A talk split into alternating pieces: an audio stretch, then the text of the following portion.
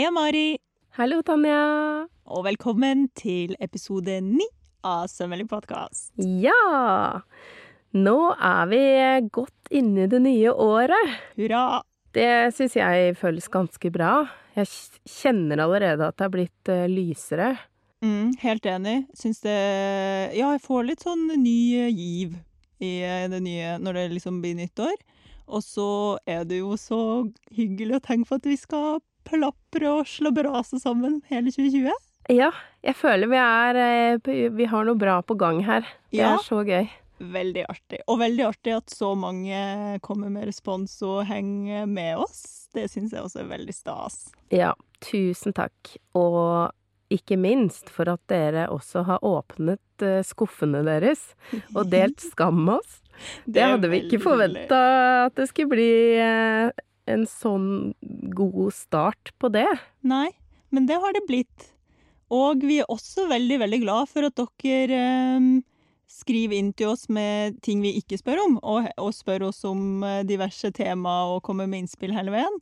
Så vi har jo fått en Det har vært mye spørsmål om nybegynnertips. Ja, og det bringer oss jo rett og slett rett til dagens tema. Så når man skal begynne å sy, så er det jo først og fremst eh, litt utstyr som kan være kjekt å ha. Hva er din sånn 'dette klarer jeg meg ikke uten'-liste? Altså eh, Jeg må ha symaskin, selv om jeg elsker håndsøm, så, så er symaskin symaskintingen. Saks, uten tvil. En god stoffsaks. Jeg står veldig høyt på lista mi. Jeg hater å klippe med sånn halvsløv eh, tull. Um, målebånd er jeg ganske avhengig av. Trenger jeg så mye mer? Hvis jeg liksom bare skulle sydd litt sånn fra hofta? Tror egentlig at knappenåla, knappenåler, da. Ny... Ja. Jeg trenger kanskje ikke så mye knappenåler nå, men hvis jeg tenker litt sånn Tanja som nybegynner, så hadde jeg nok tatt med meg noen knappenåler òg. Det kommer veldig godt med Ja. noen knappenåler. Ja. Og da når det gjelder skarp eh, saks, så skal jeg bare skyte inn en liten ting her. Fordi eh, da jeg var liten, så kunne jeg ikke skjønne hvordan mamma alltid kunne vite at jeg hadde brukt hennes stoffsaks. For hun hadde jo ikke sett det, og jeg hadde jo lagt den på plass. Eh, men det var jo selvfølgelig fordi den blir sløv når man klipper i andre ting enn stoff. Mm. For eksempel papir. Så ha en annen saks til alt mulig annet. Ja. Egen stoffsaks. Og da, ja, virkelig ta vare på den som en nyfødt baby, altså. Og den trenger ikke å være dyr eller bra. Poenget er bare at den kun blir brukt til stoff. Mm. Og, og til hår går også greit. Ja, det går greit. Kan jeg skyte inn en liten ting her? Og kanskje du, Mari, eller noen andre der ute kan bekrefte eller avkrefte? For jeg har lest et sted at det, liksom, det gjelder også for papir. Hvis du klipper andre ting enn papir med papirsaksa di, så blir den også ikke så bra på papir. Så det gjelder liksom å, å, å ha orden i sysakene, rett og slett. Ja. Ja, det er jo For det handler jo om en type fiber, eh, antageligvis. Da, hvordan den skjærer Altså Ja. selve det knivbladet i saksa. At det skal være tilpassa det fiberet. Men det Vi trenger ikke å være så vi, vi er jo spesielt interessert i det her, så vi dveler nok med ved mange ting ja. som kanskje ikke nybegynnere dveler ved. Vi må bare stoppe oss sjøl her nå. Ja. Ha en god stoffsaks. altså. Egen stoffsaks. Ja. Og så er det jo skredderkritt. Kan jo være veldig greit. ja. Det er for så vidt sant. Og Du det kan være en blyant. Du ville lagt til skredderkritt på lista mi. Er det noen andre ting du ville lagt til? Uh, ja, egentlig sånt uh, sømmometer. Altså det er egentlig bare en bitte liten linjal. Fordi uh, i begynnelsen så har man kanskje ikke utvikla så veldig godt uh, øyemål enda. Mm. Eller man tror man har det, og så ser man på sømmen, og så forstår man at man ikke har utvikla det enda. Veldig ofte, da. Eh, for det er faktisk eh, ganske viktig å prøve å holde jevn avstand til kanten, både når man klipper og når man syr. Ehm, så det å få et forhold til mengder, da, da er sømmometer eller sømlinjal en, en fin ting. Veldig fint. Og hvis dere kjente nå at 'å, herregud, jeg vet ikke hva et sømmometer er', vi skal nok snakke mer om gadgets og sånn etter hvert, og da kan dere jo bare puste rolig og bruke en linjal eller en målbånd. Det går bra. Jeg bruker ofte bare en liten linjal til det, men jeg syns Ja. at sømmometer er så koselig ord. Det er kjempehyggelig. Vi må, jeg, jeg kan sikkert prate en hel episode om termometer, men det skal jeg ikke. Det er, det er vel den ene gangen vi ikke skal si Det kommer det en episode om senere. Kanskje det kommer en hel episode om sumometer. Bare hold seg fast. Ja. Så det er jo Da har vi sagt Nå er vi vel over på selve symaskina, Ja. kanskje. Det er, det er garantert en hel del annet, andre ting man vil ha i syskrinet sitt enn det vi har nevnt nå, men det er våre sånn helt, helt grunnleggende ting som vi må ha. Eh, og symaskin er jo såpass viktig at vi må snakke bitte litt om det, for det er veldig mange lurte på hvilken prisklasse man bør gå for, hva bør man se etter når man skal velge symaskin. Og det er jo utrolig mange mm, Altså, det kan jo føles litt sånn vanskelig. Det er litt som når jeg skal velge vaskemaskin. Da aner jeg jo ikke hva jeg skal se etter. ja. um, og jeg tenker, som vi snakka litt om Vi snakka litt om dette da vi planla den episoden. At man, når man er helt nybegynner og bare kanskje vil finne ut at hm, er det her noe for meg? Kan jeg i det hele tatt få lyst til å gjøre mer av dette? Så trenger man kanskje ikke å nødvendigvis investere masse tusinger i en maskin. Vi, jeg og Mari, har drolla litt og har fått liksom flere gode tips til dere her. Blant annet så kan man jo låne seg en maskin, ikke sant? Mor di har sikkert en symaskin, eller mormora di, eller uansett. Eller naboen. Eller naboen. For det har jeg hørt om flere, sånn som i Bor man i blokk, da. Så kan man jo kanskje henge opp uh, på den oppslagstavla. Ja, den, den, den der oppslagstavla, vet du. Den Er det ikke en sånn i gangen? Jo, i en blokk? det Ja. ja. Den, ikke sant? Ta og ha følehorna ute, og finne ut om noen kanskje vil låne en maskin. Eller, ja, noen som vil låne en maskin. Det er biblioteket, det. Ja. Veldig ofte så fins det symaskiner på biblioteket. Vi vet at Deichmanske bibliotekene i Oslo har eh, det de kaller Fellesverkstedet, men eh, jeg har holdt kurs på flere bibliotek rundt om i landet, og de har hatt eget verksted, så der kan dere jo sjekke litt. Mm. Ja. ja. På Deichmanske så er det helt sånn veldig enkelt. Du bare kommer og låner det som en bok. Men kanskje du må undersøke litt nærmere der du er, om ja, du kan få lov til å låne.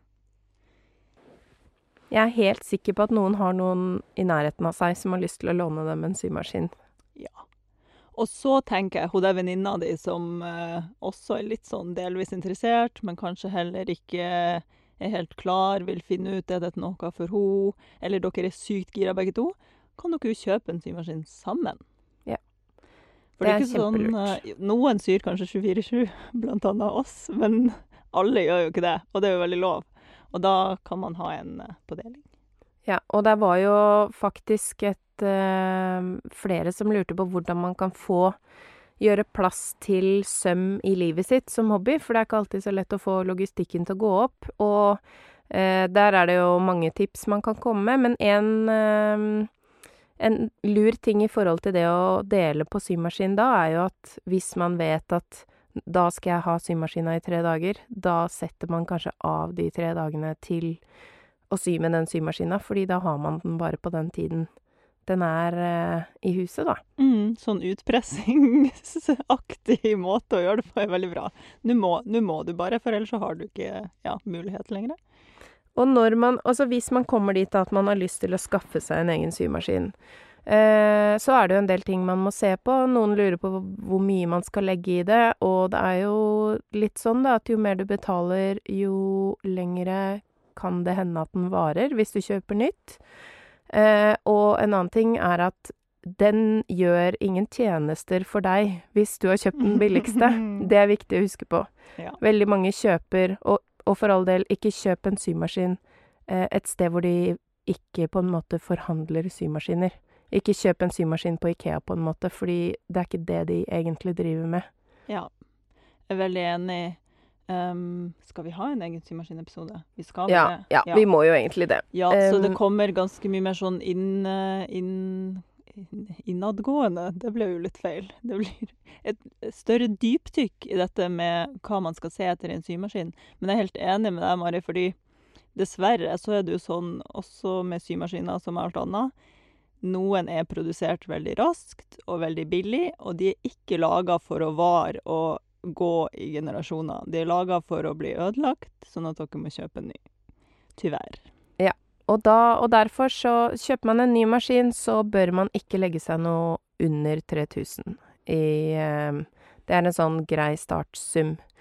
Um, har man mulighet til å gå litt høyere opp i pris, så vil man jo få noe som kanskje er mer solid. Men det aller viktigste her er at du eh, spør om å få prøve den symaskina du vurderer å kjøpe, enten det er via Finn eller om det er eh, i en butikk.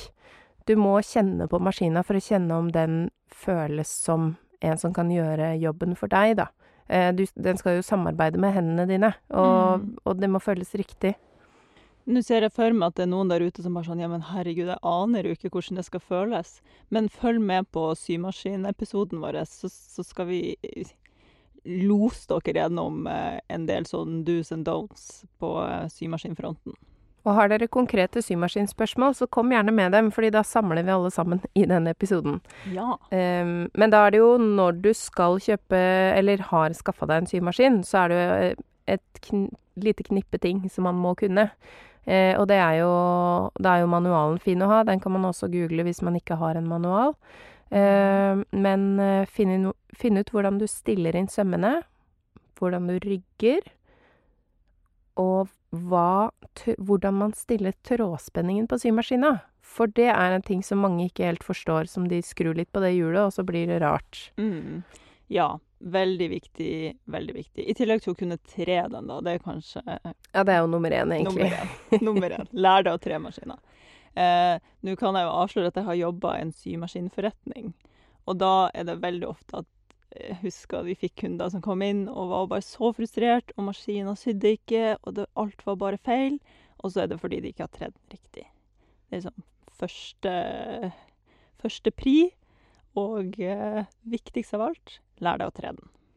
Ja, Og spole på undertråd. Og da skal jeg bare si en litt morsom ting, for jeg har jo jobba i den samme symaskinbutikken før.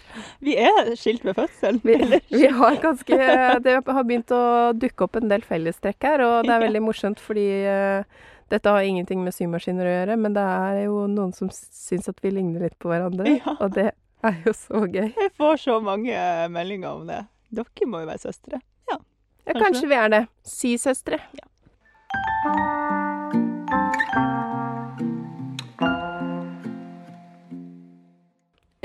jeg skal bare si én ting om den trådspenninga, da, hvis man først Ja. være i knipa.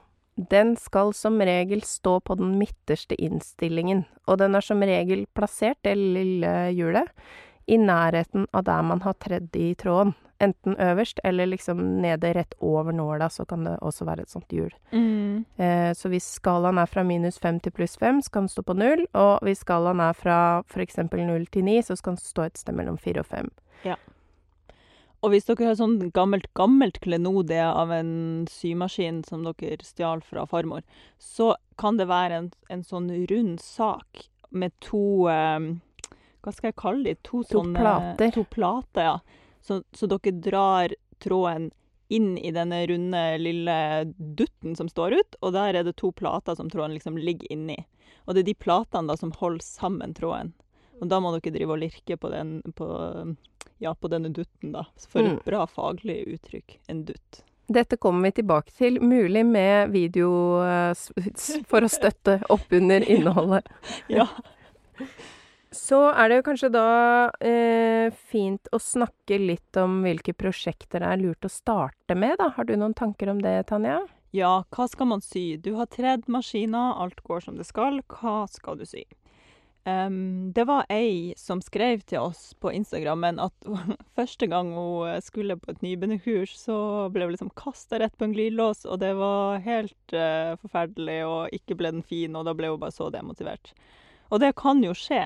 Så jeg tror at man liksom, hvis du er veldig i tvil på hvor mye du klarer å prestere, start med noe helt basic, uten glidelås, uten knapphull og knapper. Liksom bare søm og brett og sy sammen og vreng. Det er godt utgangspunkt. Ja, for eksempel sånn type en sofapute som du ikke har tenkt til å, å åpne og lukke så veldig mye. Eller, mm. sånn, eller sånn godt gammelt eh, putetrekk, da, ha, Ja. som man har i senga. Eh, er jo veldig lite ekstra finesser ved, egentlig. Ikke sant. Og nå tenker sikkert masse de litt mer sånn hippe og unge lytterne våre som bare Ha, herregud, skal jeg sy et putetrekk, liksom? Men det kan jo være lurt.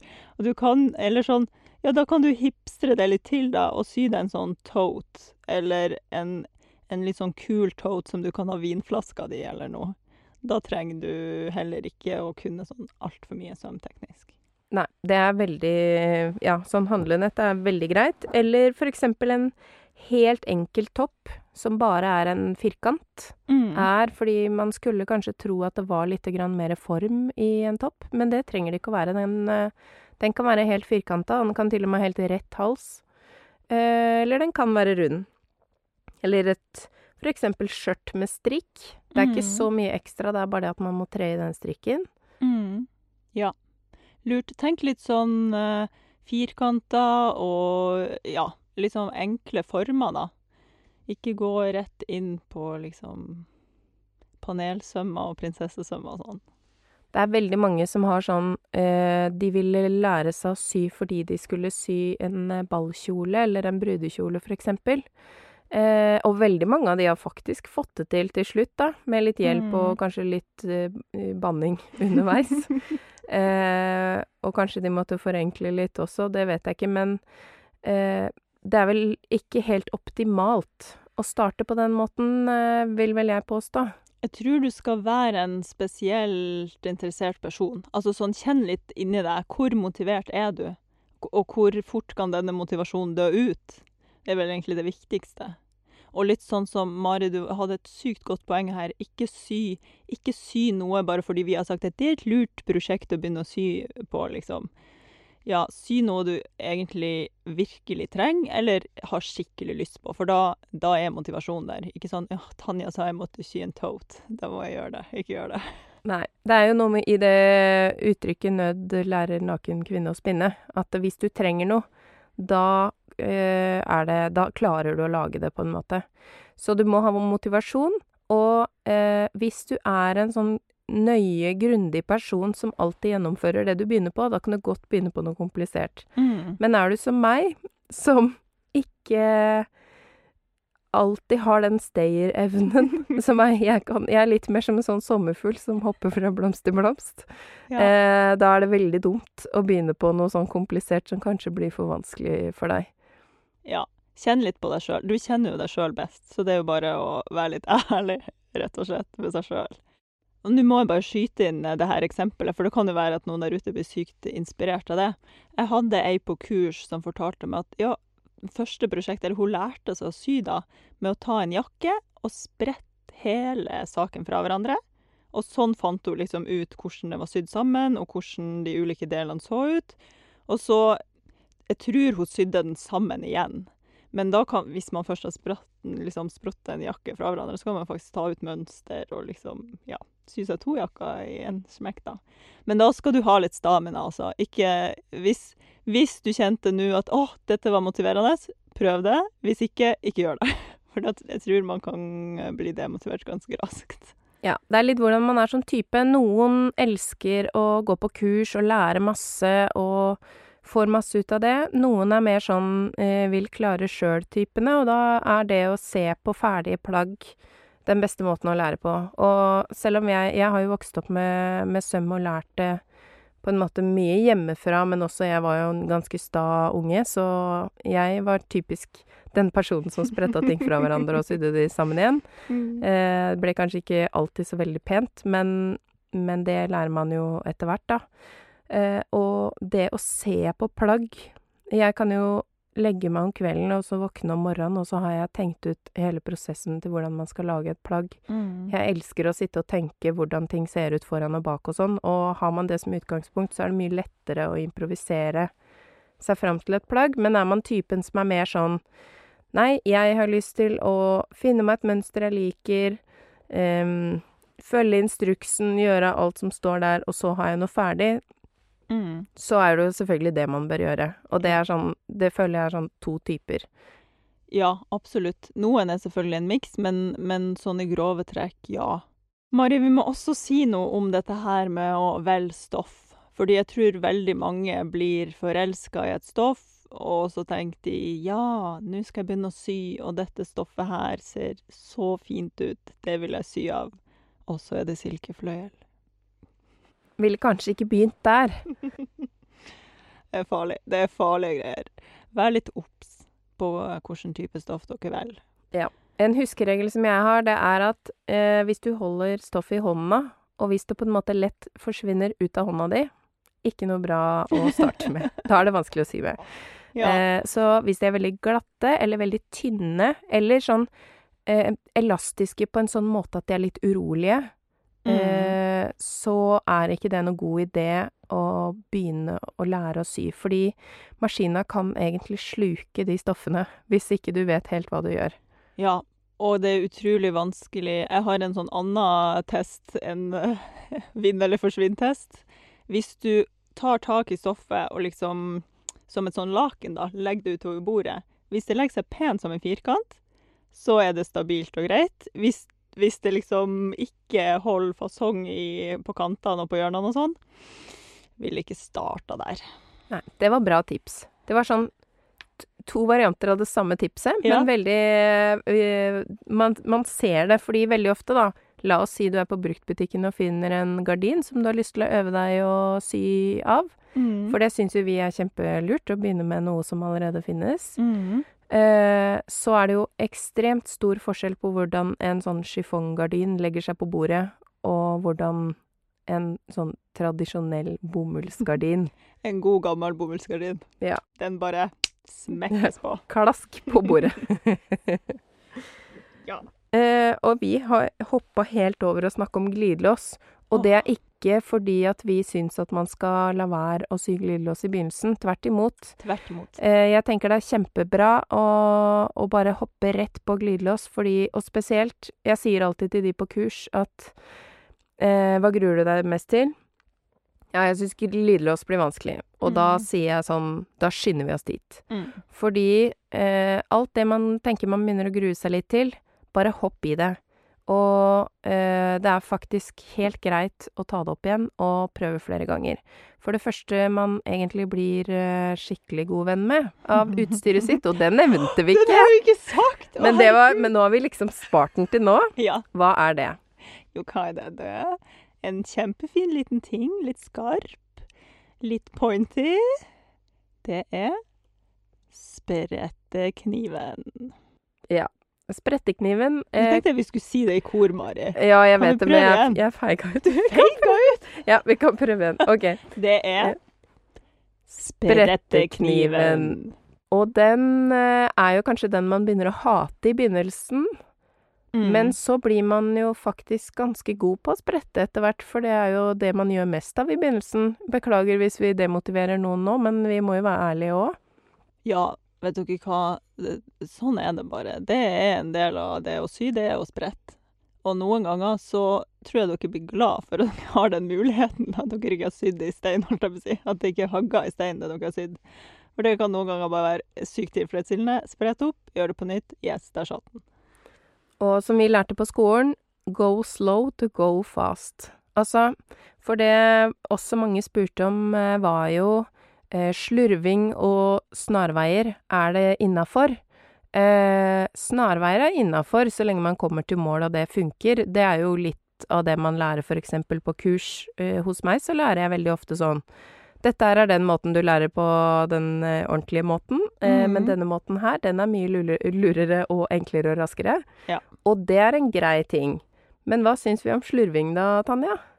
Jeg får altså helt eksem av slurving. Jeg blir så dårlig av slurving. Åh.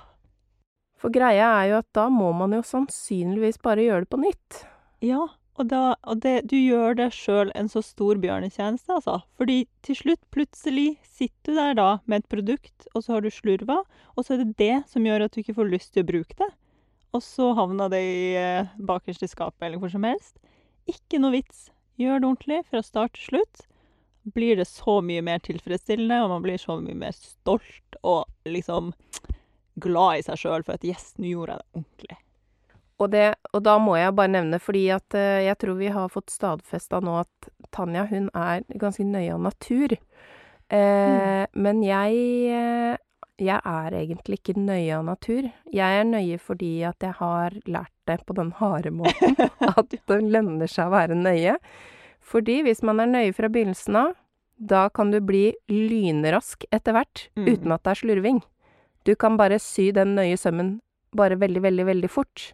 Eh, og det er ikke det at det er så veldig viktig å være rask her i verden.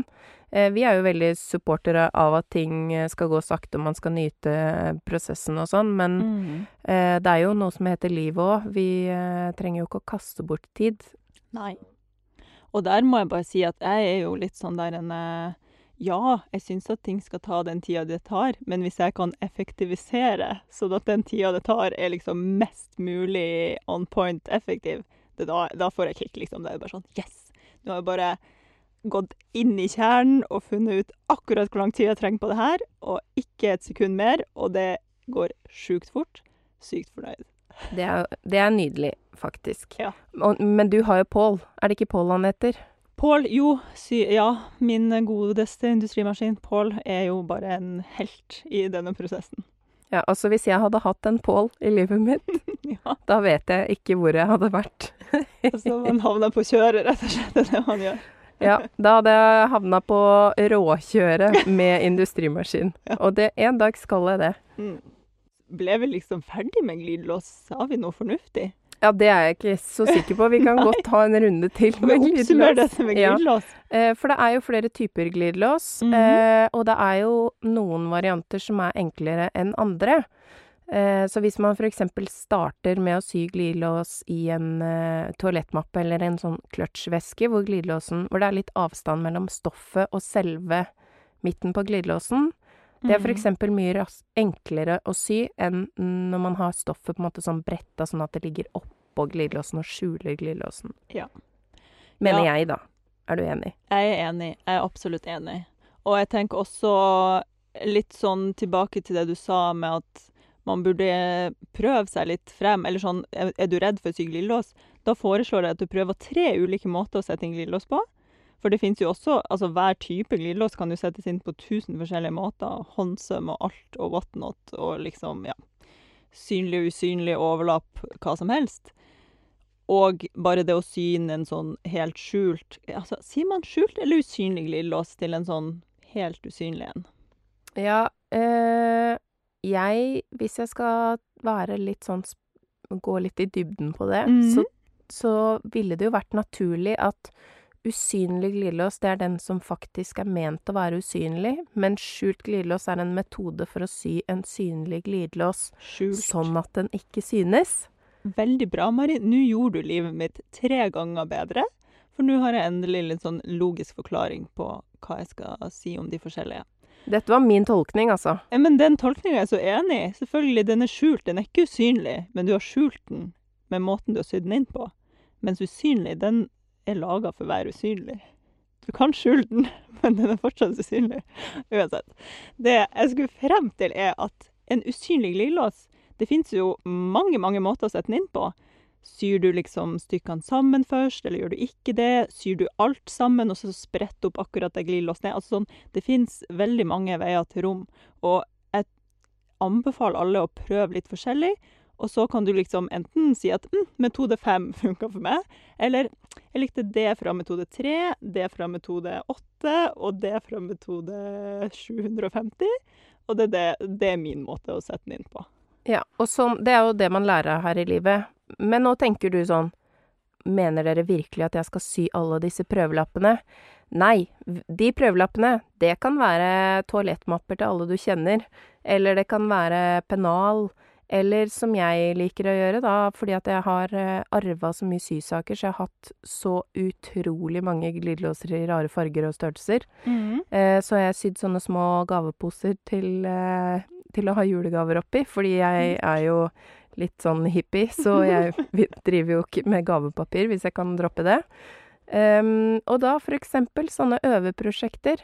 Også sånne små poser, sånn gymposer uten uh, glidelås, er jo fine til akkurat det her, da. Mm. Men man trenger ikke å lage prøvelapper som man bare putter i en perm. Man kan Det kan sitte fast i noe som man faktisk bruker. Ja. Små ting, ikke sant. Begynne litt smått, og så Når du er komfy med glidelås i toalettmappe og strikkepinnetui og sånt, da kjører vi på med jakka, liksom.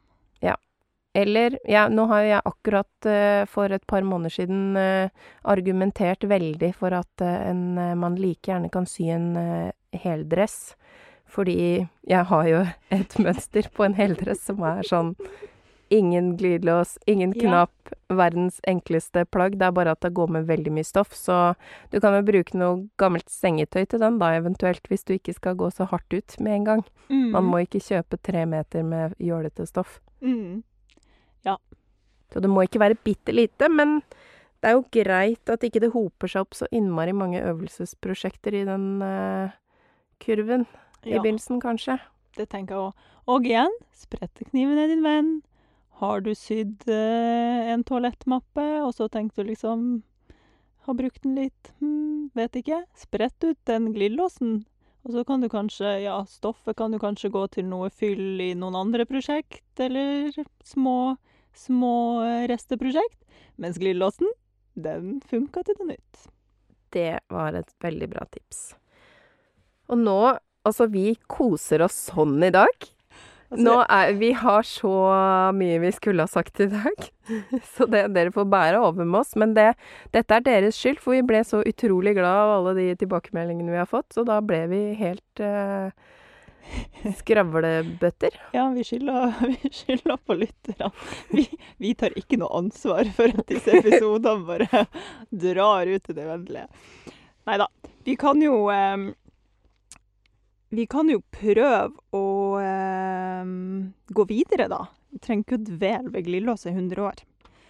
Um, for det vi også snakka litt om, er dette med reparasjon og omsøm, som en sånn fin måte å gå, komme inn i det på.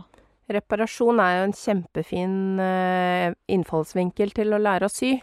Eh, du trenger kanskje ikke begynne med å reparere den mest dyrebare tingen du har, da, i tilfelle du trenger litt mer trening. Men for eksempel, eh, ja, bare øve på å sy på lapper på knærne på ting, eller tette igjen hull på forskjellige måter. Vi har vel begge delt lite grann tips eh, på Instagram eh, på våre profiler om det her. Eh, så og prøv å Prøv å bruke litt sånn det du har, og ta vare på det du har. Bare det å legge opp bukser er jo god trening for å øve seg på å sy. Den enkleste reparasjonen er jo hvis man har en søm som har gått opp, og bare får liksom Du ser hvor den starta, der er det et hull, der starta den igjen, eller hvor den slutta å starte. Så det er jo liksom å bare få kjørt gjennom der. Eh, det, igjen så tenker jeg kanskje at mange der ute tenker sånn Ja, men det er jo ikke det jeg vil. Jeg vil jo sy meg en kåpe. Men hvis du aldri har sydd før, det er jo så fint å liksom ta noe som allerede eksisterer, og bare se Å ja, her går det en søm, og den har liksom gått opp akkurat der. Hm, logisk. Da kan jeg liksom lappe igjen der, eller sy igjen akkurat den sømmen. Eh, og så derifra eh, Veien er ganske kort derifra sin kåpe, hvis man liksom går Finner gode støttepartnere underveis og liksom er motivert. Ja, For det å sy eh, rette sømmer, det er jo på en måte litt sånn som når man øver seg på å tegne. At man tegner ikke en perfekt strek første gangen. Den blir kanskje litt sånn ruglete, og litt sånn kan det være med sømmen òg. At den, den blir ikke nødvendigvis rett og pen og eh, Det er ikke alltid den peker helt den retningen man hadde sett for seg og sånn. Så bare det å sitte og øve seg på å sy rette sømmer på, på en stoffbit kan være fint. Og så er er det faktisk ganske dekorativt, så hvis man har gjort det nok ganger, så kan man bruke den lille stoffbiten til et eller annet. Mm. Ja. Dekorer den eh, gamle, kule olejakka di med noen sømmer på tvers. Diagonale sømmer. Jeg vet ikke. Noe kult. Jeg sydde et handlenett en gang av, eh, av lerret som jeg hadde sittet og sydd regnbuestriper på. Det var jo det var ganske mange sømmer, da. Siden den ble jo helt regnbuestripete, men den ble veldig fin. Ja. Nerd, mange nerdepoeng. Du får ganske mange nerdepoeng hos meg her nå. Jeg tror det er syv, syv nerdepoeng av ti for eh, regnbuenettet. Ja, jeg tømte alle de, for jeg hadde så mange underspoler med forskjellige farger på som jeg ville ha tømt. Da tar jeg det opp ni, ni av ti i nerdefag. Når man har kommet seg litt i gang, da, og er fortsatt i en slags nybegynnerfase, men kanskje kjenner på at eh, åh, skulle gjerne hatt litt piff, litt mer motivasjon, kanskje litt mer inspirasjon. Hva gjør man da, Mari? Det er jo veldig fint å tenke at søm også kan være sosialt, for det er egentlig en ganske ensom hobby. Og jeg for min del som jobber med det her, det er jo veldig få av vennene mine som egentlig tør å foreslå at vi skal sy en dag, fordi at da tenker de at jeg tenker at det er jobb. Ja, ikke sant? Um, men jeg, det beste jeg vet, er jo å sitte sammen og sy. Det er så koselig. Helt enig, og jeg tenker at uh, det var jo en sånn syklubb. Det har jo vært en greie. Det var jo mange som møttes Jeg ser for meg sånn på 70-tallet. Da var det kanskje veldig poppis med sy, sykvelder og sånn. Det tror jeg man gjerne kan eh, ta inn mer av eh, nå. Hvis, ja, hvis man er en gjeng da, som liker å sy. Jeg så faktisk her i dag at det var um, ei, eh, ei av følgerne mine som hadde lagt ut en story om at hun og venninna hadde dratt med seg symaskinen på hytta og sånn. De skulle ha hyttetur med, med søm, liksom. Så Drithyggelig. Ja, Ja. da ble jeg bare sånn Åh, tenk. Det vil jeg også, men eh, ja ja. Når man har akkurat starta med søm som hobby, så er det jo ikke sikkert at man eh, har noen venner som syr, eller eh, eller at man vet om noen, da. Det kan jo hende man har venner som syr, bare at man ikke vet det fordi man ikke har snakka om akkurat det. Men eh, da er det jo det å finne andre som har samme hobby, det har kanskje en mye større verdi enn det man egentlig tror. For det å oppleve mestring sammen, og det å dele kunnskap med hverandre, det Mm. er jo veldig fint. Ja. Og hvis du er litt sånn som oss, som egentlig ikke nødvendigvis alltid trenger å være rundt altfor mange mennesker, og syns det kanskje ikke er sånn at det er litt terskel å dra på kurs, Instagram er jo helt fantastisk.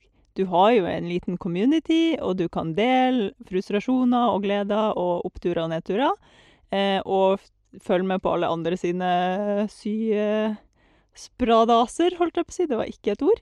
Men eh, og da trenger du i utgangspunktet ikke å være veldig sånn sosial. Det skjer jo over IG. Nei, det er jo faktisk verdt å nevne at det er veldig mange som driver med håndarbeid som ikke er så veldig utadvendte, og det er helt greit, det trenger man ikke å være. Eh, men det, apropos det med Instagram, så syns jeg det er veldig morsomt fordi eh, det er så utrolig mange etter hvert som man tror at man kjenner, Mm. fordi at man har hatt kontakt via Instagram, og det var jo sånn vi møttes. Ja. Og med deg, Tanja, så tenkte jeg på en måte hele tiden eh, Hun der tror jeg egentlig kunne vært venninna mi, bare at jeg ikke kjenner henne, og, og eh, det var jo en detalj. men, men man kan faktisk bare ta kontakt. Ja. Litt etter litt. Man trenger ikke å bare hoppe rett inn hvis man syns det føles litt rart, men bare sånn Like hverandres bilder og kommentere, og etter hvert så kanskje man kan foreslå at man kan dra på noe sammen. Mm. Og jeg tenker også, det er kanskje veldig mange som, som har litt sånn terskel for å dele og spørre om hjelp, for man tenker at det er sikkert ingen som svarer på dette og sånn. Men jeg har aldri opplevd det, fordi jeg tror at sømfolk generelt er bare drithyggelige folk. Og alle er bare sykt støttende. Eller det er i hvert fall det er i hvert fall det jeg tenker at vi alle burde være. Så kanskje også en oppfordring til alle å svare på hverandre sine poster der folk har delt ting, eller liksom lurer på ting, eller ja. Og liksom støtte litt opp om hverandre. Det syns jeg er veldig viktig at vi gjør. Ja, helt enig. Og så tenker jeg, hvis du har gitt litt av deg sjøl, og du ikke får noe tilbake, det er jo strengt tatt den andre personens tap. Det er ikke du som skal sitte og føle deg dum, i hvert fall. Nettopp.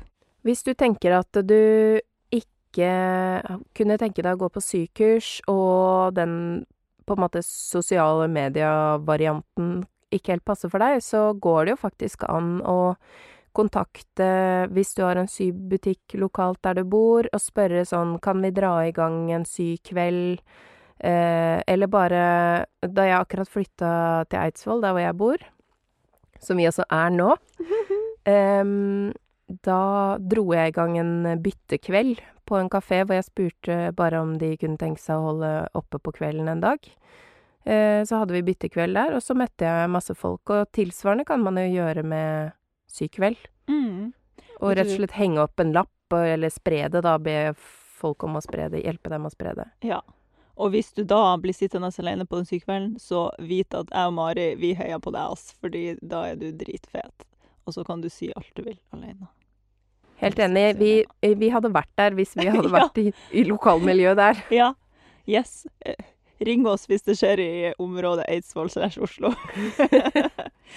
Helt enig. Og det er jo noe, da skal jeg bare også For det kom jeg på nå. Det er jo noe som heter frocktails. Det er jo litt mer i Det er jo litt større i andre symiljøer i andre land og sånn, har jeg sett. Eh, men eh, det er jo Frock er jo kjole, og frock pluss cocktails, det er frocktails. Ja. Eh, og det betyr jo egentlig bare at man møtes og mingler, og så skal man helst ha på seg noe hjemmesydd, men jeg tenker at vi kommer nok ikke til å være så strenge på det. Men, men det er jo et alternativ som vi kanskje skal tygge litt videre på Mhm. etter hvert. Nam-nam-nam. Om du sitter og tenker at egentlig så har du ingenting imot å være litt sosial og møte nye mennesker og være i en slags syboble sammen med andre og samtidig bli inspirert og motivert, så må jeg si at sykurs kan gjøre susen. Hvis du kjenner at du liksom har kommet i gang, har liksom klart å dra ut så mye du har klart fra YouTube og hva enn du har brukt, men kjenner at åh, det hadde vært så kult å bare få litt påfyll på akkurat det her, se hvordan noen andre gjør det. Dette får jeg aldri bra til, hva er det jeg mangler her? Dra på sykurs. Det er så hyggelig. Og du lærer uansett, så lærer du så mye mer enn du jeg tror du tror du kommer til å lære på et kurs. Ja, helt enig. Og det er jo Vi holder jo begge sykurs eh, fordi vi elsker å holde sykurs. Eh, for det er så koselig stemning. Eh, og så er det noe med Én ting er hva man kan lære når man ser på en eh, video, eh, men det er noe noen viser med hendene og, og gir det til deg, og, og sier på en måte 'sånn kjennes det ut' eh, når du gjør en ting. Det er jo også noe ekstra. Men jeg har erfart mange ganger at folk har, som har møttes på kurs hos meg, har fortsatt å holde kontakten igjen etterpå. Så det er, um, det er absolutt veldig vanlig at man kan møte en syvenn på den måten også. Ja, Få deg et lite crew gjennom kurs. kurs. Og fortsett å være i syklubben eh, vår, da, dere. Ja. Tusen takk. Takk for oss. Tusen takk for at du hørte på Sømmelig podkast. Du finner oss på Instagram. Der heter vi sommelig understrek podkast med k. Og ellers kan du kontakte oss på e-post, og da sender du den til sommelig punktum podkast med k at gmail.com. Tusen takk til Andreas Prestmo i Wilthagen Studios, som klipper og limer og sørger for at vi har god lyd. Og tusen takk til Synnøve Obrid, som lager den fine musikken vi hører.